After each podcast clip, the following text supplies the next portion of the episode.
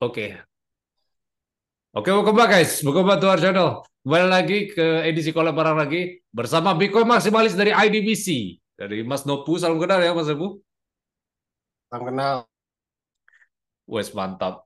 Ini Mas Nopu nih uh, running account dari Oh, The Bitcoin Standard ya guys. Jadi dia udah apa di TikTok salah satu ya memberikan edukasi ya terhadap Bitcoin ya kayak gitu ya Mas. Ceritanya begitu. Iya benar. Walaupun tadi eh, dia kata si, si Bainu juga, mungkin ada yang belum kenal nih mas. Eh, tak kenal maka kata sayang dulu lah. Maksudnya gimana awal masuk dunia Bitcoin, terus eh, tempat eh, ke shitcoin juga atau kayak gimana? Entah, boleh di share dulu mas.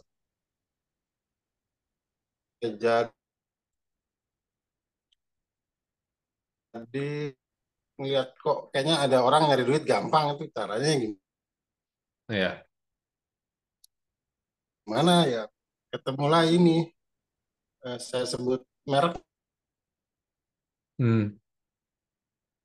nggak apa ya? Bim pertama itu saya kenal Binomtot. Iya.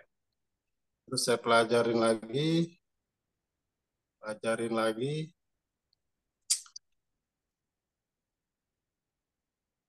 Terus akhirnya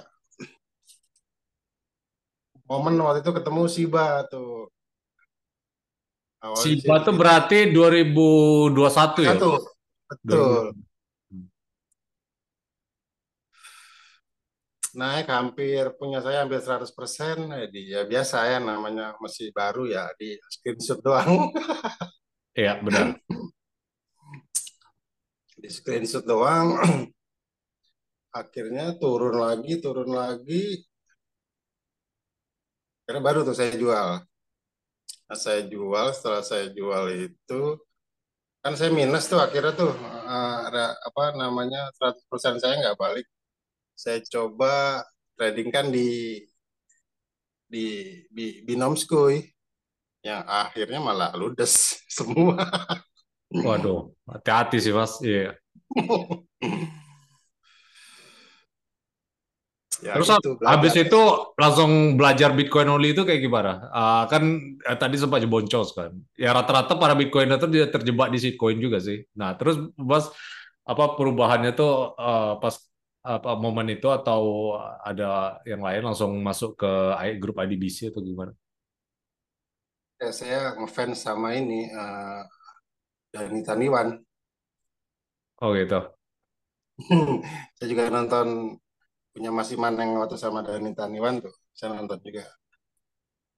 Iya, itu banyak harsh truth sih. Maksudnya eh, aku udah janji sama dia juga ini sih apa eh, kalau seratus ribu bikin konten lagi sama dia. Tapi nggak tahu nih mungkin eh, nggak ja- nggak sampai seratus ribu jadi nggak bikin konten kedua eh, part 2 aja nggak tahu lantar lah. Yang jelas tapi benar sih eh, di sana aku belak-belakan juga kan orang banyak itulah kadang kita bicarakan kebenaran dan juga orang nggak hanya mau dengar apa yang dia dengar kan. Jadi ya terjadilah eh, banyak yang nggak terima juga. Ya, tapi ya kenyataannya ya coy hanya Bitcoin doang yang nggak ada pemilikan, yang lainnya masih ada ownernya, ada kepentingan di sana ya bisa kacau. Iya benar sih. Jadi ya kayak gitulah emang. Terus eh, Mas di sini ya itu tadi kan eh, Mas masuk pertama Bitcoin ya. Terus aha momennya sendiri Mas yang bikin Mas eh, bilang bahwa oh Bitcoin is here to stay is no going anywhere. Maksudnya eh, Bitcoin ini bakal selalu ada nggak kayak shitcoin. Tadi yang penemunya dia nggak butuh duit, terbukti dari walletnya masih ada tuh hampir satu juta belum keluar pada detik ini. Sama dia menghilang, dia nggak butuh tenar. Ya udah dari situ aja udah ketahuan. Iya Ini benar. orang cukup cukup apa ya pengen semua umat manusia bisa bebas bertransaksi kan intinya itu. Iya benar. Tapi ini Pak, in your opinion aja nih, pas aku kan sempat bahas di konten kemarin, terus juga orang uh, apa banyak nyerang aku juga kan. Kan ini bakal dirancang apa? uh, makanya ini Bitcoin ini penting ya. Walaupun ini secara makro uh, bagus, makro uh, bagus. Tapi di sisi lain ini apa uh, gimana ya? Mas tahu undang-undang perampasan perampasan aset itu kan. Nah, Bitcoin kan diciptakan untuk itu kan, untuk uh, pemerintah tuh nggak bisa uh, itu aset satu-satunya yang uh, kita miliki kan. Nah, uh, kalau di posisinya kayak gini kan berarti uh, apa? Uh, ya orang menganggap Bitcoin sebagai apa buruk lah atau apalah. Nah, ini just your opinion ya. Menurut Mas gimana itu? Masalah buruk ya, tinggal kita kasih edukasi aja kan intinya itu. Mereka belum paham. Ya, yang namanya duit kan, yang namanya duit, Bitcoin ya bisa dipakai dua sisi, baik atau jahat, ya tergantung orangnya. Iya benar sih. Tapi ya itu apa tujuan Bitcoin ini kan dulu kan ya separate money from the state kan. Soalnya uh, government kan ya kalau Mas sudah pelajari juga di grup IDBC itu kan selalu abusive kan, uh, abuse of power. Jadi semakin mereka tuh terpusat, semakin mereka tuh semena-mena. Ya mungkin ya sekarang kan perampasan aset untuk koruptor aja kan. Cuman kalau negara lagi butuh duit, kalau dia udah apa apa aja, dia, dia ada pembenaran untuk merampas aset rakyat kan. Jadi ya kita nggak tahu kan ke depan kan uh, prediksi kayak gimana kan. Jadi uh, belajar dari sejarah aja sih. Komunis itu kan dulu kita tumbangkan ya gara-gara mereka ya itu kan ekonomi terpusat. Jadi yang namanya ekonomi kan free market, uh, supply and demand kan. Tapi dibatasi oh. dan negara uh, yang membatasi inovasi atau apa itu justru bakal mati. Soalnya bakal lari ke sama orang yang free market kan. Jadi ya itu sih inti dari Bitcoin untuk keluar dari jeratan uh, free, freedom lah intinya jadi ya benar-benar ya. kemerdekaan individu. Bebasan bertransaksi tanpa perlu ID atau apa pun ya. Iya. Ya, Sebenarnya Bitcoin ini dibilang bebas juga nggak terlalu sih. Ah, kalau misal dia apa uh, ahli blockchain forensik ya, uh, ya memang bisa di track ya Bitcoin kan open source kan ledger kan uh, itu bisa uh, tapi ya make it difficult lah. Maksudnya uh, butuh forensik kan prosesnya lama kan. Lebih susah dari auditing juga. Jadi ya itu per pertama. Yang kedua uh, kita lihat justru uh, untuk kriminal di Bitcoin tuh nggak nggak apa uh, nggak nggak bisa gara-gara uh, itu tadi. Uh, karena memang cash tuh justru yang ini apa uang cash. Justru yang apa Uh, yang yang parah kriminal nggak bisa di track kan? Uh, eh, anti money laundering apa semua sebelum ada bitcoin kan semua ini apa di cash semua orang money laundering kan? Susah susah dilacak. Nah susah dilacak. Nah tapi mereka tuh solusinya yang susah dilacak tuh ya pengen menghapus cash tapi mengimplementasi BDC yang mana bisa nge-track kita terus. Nah itu yang yang yang bakal skenario bakal muncul selanjutnya tuh. Itu yang orang masih belum paham sih.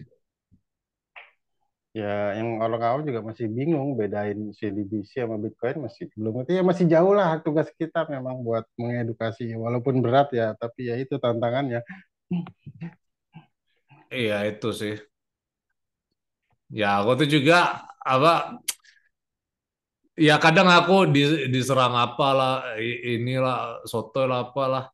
Aku tuh menjelaskan uh, ya inilah inti dari edukasi itu kan uh, komunikasi kan percuma kalau kita uh, apa bahasa tinggi tinggi tapi yang dengar tuh nggak nggak nyampe ilmunya tuh kan jadi ya kita harus uh, bisa apa explain ke anak TK kalau benar-benar kita apa uh, peduli sama edukasi kan. Itu quote dari Albert Einstein juga kayak gitu. Kalau apa? Kalau kalian nggak bisa menyederhanakan menjelaskannya ke anak TK atau anak SD, nah berarti kalian nggak ngerti subjek itu. Nah iya, aku bikin sesimpel mungkin itu tuh.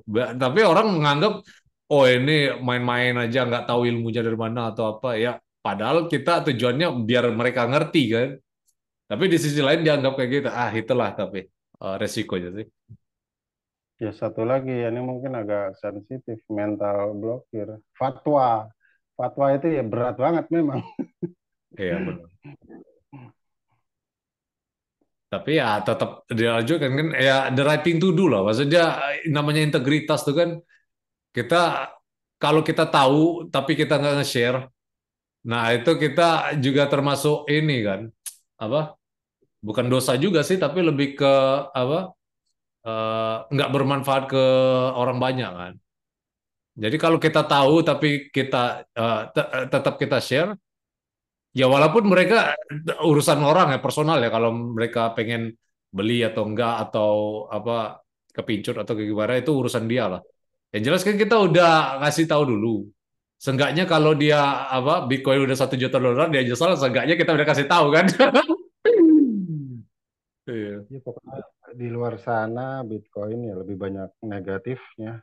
Bahkan di komunitas kripto sendiri aja susah kita jelasin, apalagi ke orang awam. Iya sih. Nggak tahu lah. Di komunitas ini ya udah udah kayak agama sih. Maksudnya ya na, eh, namanya maksimalis itu kan. Kita kan maksimalis objektif ya. Maksudnya ya Bitcoin itu ya memang math, eh, matematik, nggak bisa diganggu gugat. Kalau yang lain kan memang ada foundation di belakangnya, ada perusahaan yang ada stakingnya. Jadi ya ya itulah masih belum ini juga. Soalnya ya mereka juga ada kepentingan kan. Maksudnya mereka invest di sana kan. Makanya dia defend terus. Kemarin itu kan Gary Gensler diserang habis-habisan sempat trending di Twitter tuh Gary Gensler eh, the head of eh, SEC. Padahal dia anti Bitcoin, tapi masih sampai sekarang belum mendeklar Ethereum tuh security atau enggak. Padahal dia sempat jebut di sana. Itulah aku masih nggak nggak ngerti itu. Ada kepentingan apa Gary Gensler? Nggak tahu lah. Dia SEC. Gary Gensler itu yang sempat ngasih lecture Bitcoin di mana? Di Iya di. MIT, di MIT. Dia memang ini basicnya apa? Eh, forensik, Eh, bukan forensik apa? Eh, apa itu backgroundnya? Eh, cryptographer. Makanya ditunjuk sebagai ini kan, apa eh, SEC kan? Karena dia punya basic dari itu. Tapi ya nggak tahu ini nggak nggak nggak jelas ini nasibnya. Katanya mau diturunin atau apa. Tapi separah-parahnya Gary Gensler masih para J. Paul sih. Maksudnya the head of the Fed, ya kan? Iya Pak. Nggak maksud Pasti. aku yang appointmentnya itu siapa? Dia kan bank ini kan, bukan bukan bukan pemerintah Amerika, bukan itu bank private itu tuh kartel lewat the Fed. Yang mengontrol semua bank sentral di dunia. Jadi semua acuannya berasal dari sana. Terus juga apa? eh, nggak ada insentif untuk bekerja kan jadinya kalau nggak apa nggak bisa dipecat nggak bisa dipilih kayak gitu kan jadi ya kebijakan ya semau maunya dia aja itulah yang bikin interest rate naik turun semau maunya dia kapan apa economic boom and bust tuh gara-gara interest rate aja jadinya Ya artinya kalau dulu kan Bitcoin nggak ngaruh interest rate, sekarang udah mulai ngaruh ya artinya dunia sudah mulai mengakui ya kan. Iya, teorinya ya harusnya kayak gitu sih. Soalnya kita lihat juga kan ya institusi udah mulai masuk, Michael Saylor juga udah masuk. Michael Saylor aja kemarin sempat eh, tax loss harvesting dia. Jadi sengaja jual di loss untuk menghindari pajak yang aku udah bikin kontennya juga sih, ada konten-konten podcast kemarin kan. Cuman ya itu sih apa nggak nggak apa eh eh, nggak selaras lah apa yang eh, The Fed nih berpihak ke siapa sebenarnya. Aku nggak ngerti. Justru dia mau naikkan interest rate, dia kan bakal ya resesi, ya, orang bilang resesi atau apa, kayak aku nggak ngerti ya. Ini kan ke depannya nggak ada yang tahu ya. Tapi di sisi lain ya itu sih apa bakal unemployment rate bakal naik lagi. Terus apa ya walaupun inflasi mulai berkurang ya, tapi orang eh, masih nggak bisa apa bayar KPR rumah kan tergantung interest rate juga. Jadi ya nggak tahu lah ini gimana. KPR rumah berarti ingat 2008 ya. Eh ya mortgage ya hampir sama lah kayak gini. Cuman nggak tahu nih apa eh, bank-bank collapse kan udah tiga bank collapse kan kemarin kan. Nggak tahu bakal kejadian lagi atau enggak. Soalnya kita lihat di sejarah-sejarah bakal kejadian lagi soalnya. Tapi nggak tahu kapan. Aku nggak bisa berani. Oh, oh no financial fights atau apa kan. Aku nggak bisa. You do you, I do me lah. Tapi ya suatu saat oh, kalaupun nggak tahun ini ya atau suatu saat bakal bakal terjadi crash lagi. Maksudnya ya gara-gara dibikin boom and bust terus sama The Fed. Nggak tahu emang sengaja mungkin elit-elit global ini kan di belakang The Fed. Nggak tahu lah. Ya, hanya kan hanya segelintir orang yang megang kuasa. Ya mereka emang canggih.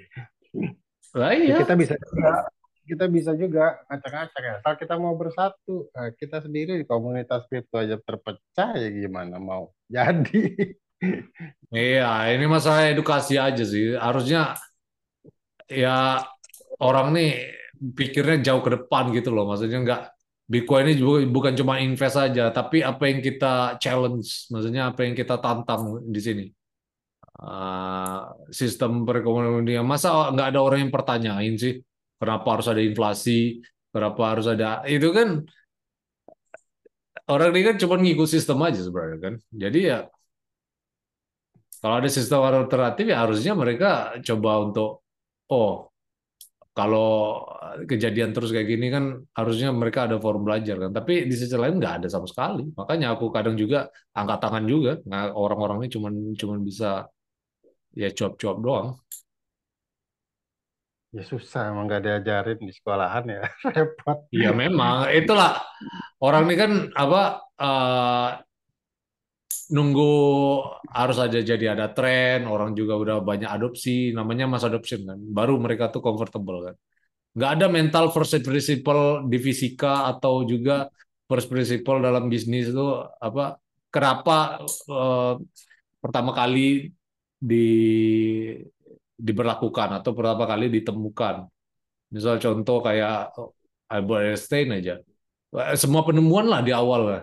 Kan nggak ada orang yang tahu kan dulu kan eh, sebelum zaman apa revolusi eh, revolusi industri itu rumah dua tingkat aja orang ngeri dulu tuh awal-awal. Kenapa rumah bisa dua tingkat? Oh takut ini ambrol ada gedung atau apa kan. Tapi nyatanya orang tetap juga kan. Semua teknologi itu kayak gitu awal-awal bikin ta- takut karena namanya itu Mekoslow kalau Mas tahu. Jadi dia tuh apa listrik atau apa kan eh, orang awal-awal nggak berani make, oh takut kebakaran nyetrum atau gimana. Tapi akhirnya seperti hari ini kan, nggak ada mental tech risk ya. Kita masih terpaku di sistem. Sebenarnya kalau Indonesia ini kan ah, berapa ratus juta lah, lima 50 persennya aja lah, 50 persen aset mereka tuh masuk ke Bitcoin, udah pump tinggi harga Bitcoin ini. Jadi ya itulah. Tapi nggak ada ini juga Kalau saya sendiri, kalau saya sendiri sekarang kalau untuk cuan ya itu belakangan lah. Penting Iya, kita desa, udah edukasi udah intinya Iya ya, aku juga basic dulu sih. Makanya aku juga kan di konten tuh kayak eh, makro juga kan, makro analisis politik kayak gimana, ekonomi global kayak gimana. Tapi tetap eh, untuk sekarang sih eh, aku lebih coba untuk balance antara keduanya aja sih. Kalau Mas sendiri kontennya apa fokus ke gi- gimana aja di TikTok? Ya, fokusnya lebih banyak Bitcoin ya, walaupun kadang kalau ada yang rame yang lain ya gatel juga pengen ikutan. Ya, Buat narik masa, buat narik masa. iya benar. Aku juga bikin ko- koin PP itu bukan karena aku invest di PP, bukan. Tapi ya orang kan lagi ramenya ke sana kan. Seenggaknya kita kasih edukasi, wah kenapa mereka tuh kayak gitu, nggak nggak nggak kayak Bitcoin kayak gitu intinya. Yang yang make non custodial wallet juga kayaknya masih jarang setelah paling trust wallet doang tuh yang paling dipakai ya tujuannya juga bukan buat self custody tujuannya buat Buat trading buat NFT, kebutuhan iya. iya Buat airdrop atau apa ya itulah ya ya nggak bisa disalahin juga sih. Soalnya mereka YPC kan orang Indonesia ini kan nggak nggak terlalu mikirin ini kan. Mungkin dari ba- banyak eh, di Indonesia ini eh, banyakan scalper daripada investor. Investor mungkin segelintir orang, tapi asetnya juga banyak ya. Tapi di sisi lain ya itu nggak bisa. Mereka ya pengen cuan cepat aja. Dia ngomong kalau kita ngomong investor kan ya balik lagi ke basic financial tuh apa eh, cash flow sama emergency fund aja dulu itunya belum bagus ya bakalan ketarik lagi invest kita. Itu sih orang yang masih trading for living lah mereka tuh scalping kan kayak gitu. Aku juga dulu sempat ini apa trading tapi uh, edukasi buat trade. Cuman aku sekarang lebih ke fundamental. Mas juga fundamental kan di TikTok ya? Iya lebih banyak technical susah. Iya, Teniko sih paling aku cuman update price prediction aja ya. Cuman bukan ke nggak kayak dulu sih. Kalau dulu kan lebih detail. Sekarang kita imbangi lah, banyakkan fundamentalnya lah ketimbang ini. Biar orang ngerti apa yang mereka beli kan. Jadi kalau saham kan bisa gampang ya apa analisanya price to earning ratio eh, di mana perusahaan itu under value atau over value. Tapi di sisi lain ya kalau Bitcoin atau kripto uh, orang kan masih banyak belum paham, makanya kita edukasi banyak kan fundamental kan, jadi kayak gitu. Benar. Saya juga sempat diblokir itu. Eh, ini akun keberapa ya? Waktu itu sempat udah 3000. Terakhir keblokir gara-gara posting uh, Bitcoin accept here di Malaysia tuh saya ambil gambar. Habis itu udah di ban hilang udah. Waduh, ya itu sih aku sempat juga kemarin tuh di ban juga sama TikTok. Berapa hari kayak gitu. Terus sama apa kontennya di take down. Gak tahu. Tapi aku nggak sampai di ban permanen sih. Soalnya mungkin aku juga ini kan udah bangun akun tuh ya pakai ads juga kan. Jadi mereka tuh ada ranking-rankingnya kan kalau misal kita pakai ads tuh. Jadi mereka nggak bisa sembarangan take down juga. Jadi ya Cuman berapa hari kemarin gak di band.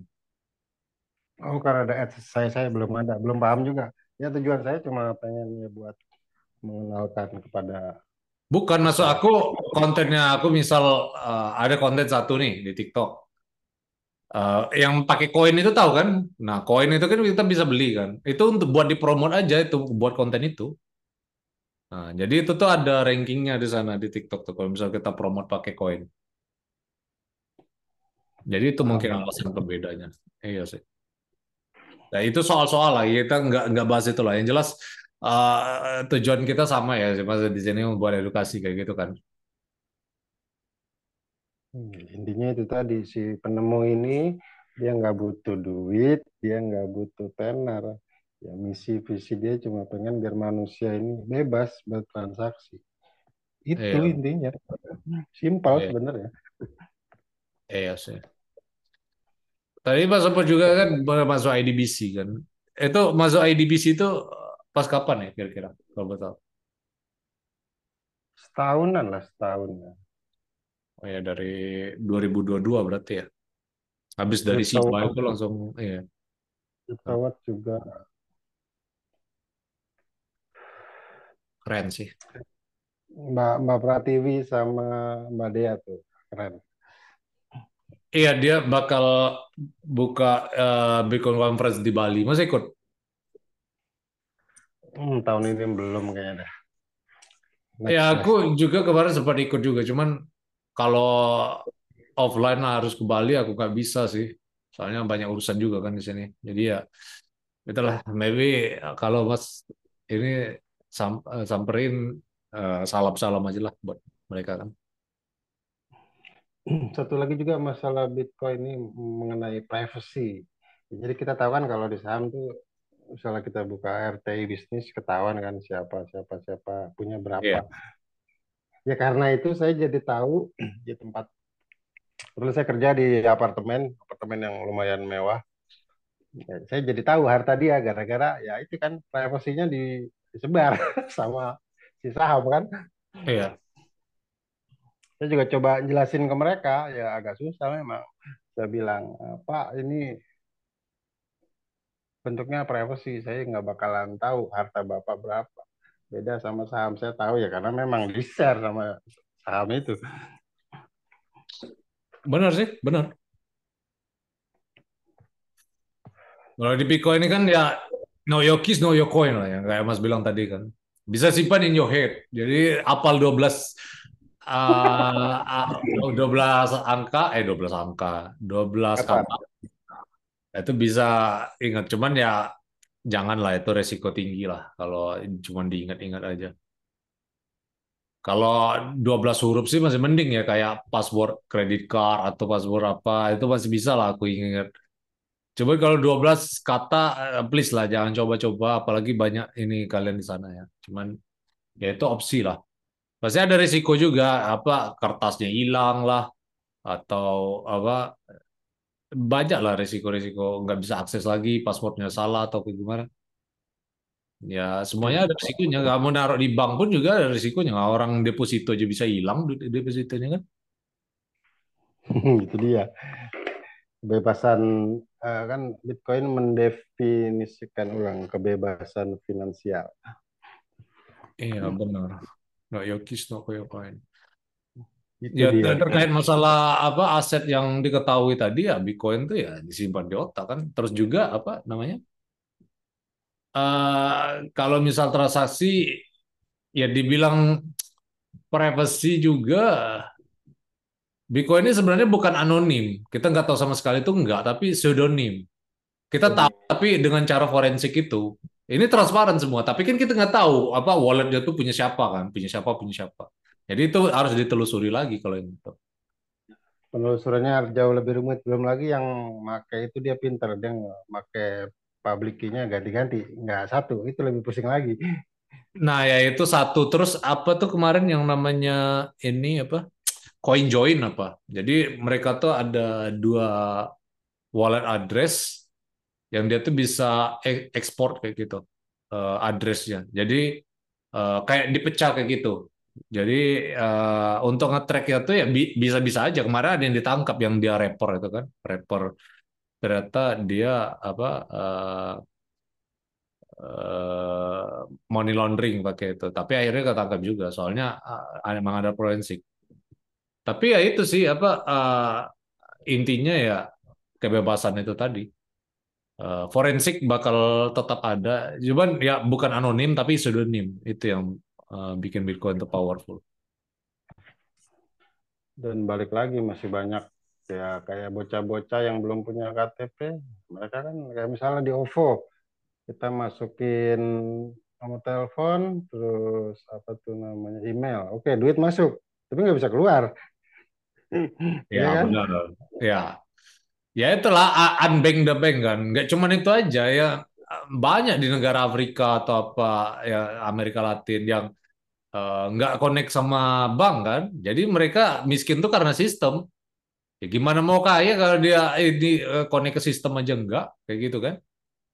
Di Jadi gimana mereka harus transfer atau apa? Makanya Bitcoin ini penting. Kayak orang-orang di Salvador apa-apa, mereka bisa langsung connect sama bilioner kayak Michael Saylor kan? Di kita memang mungkin nggak begitu terlalu kelihatan ya.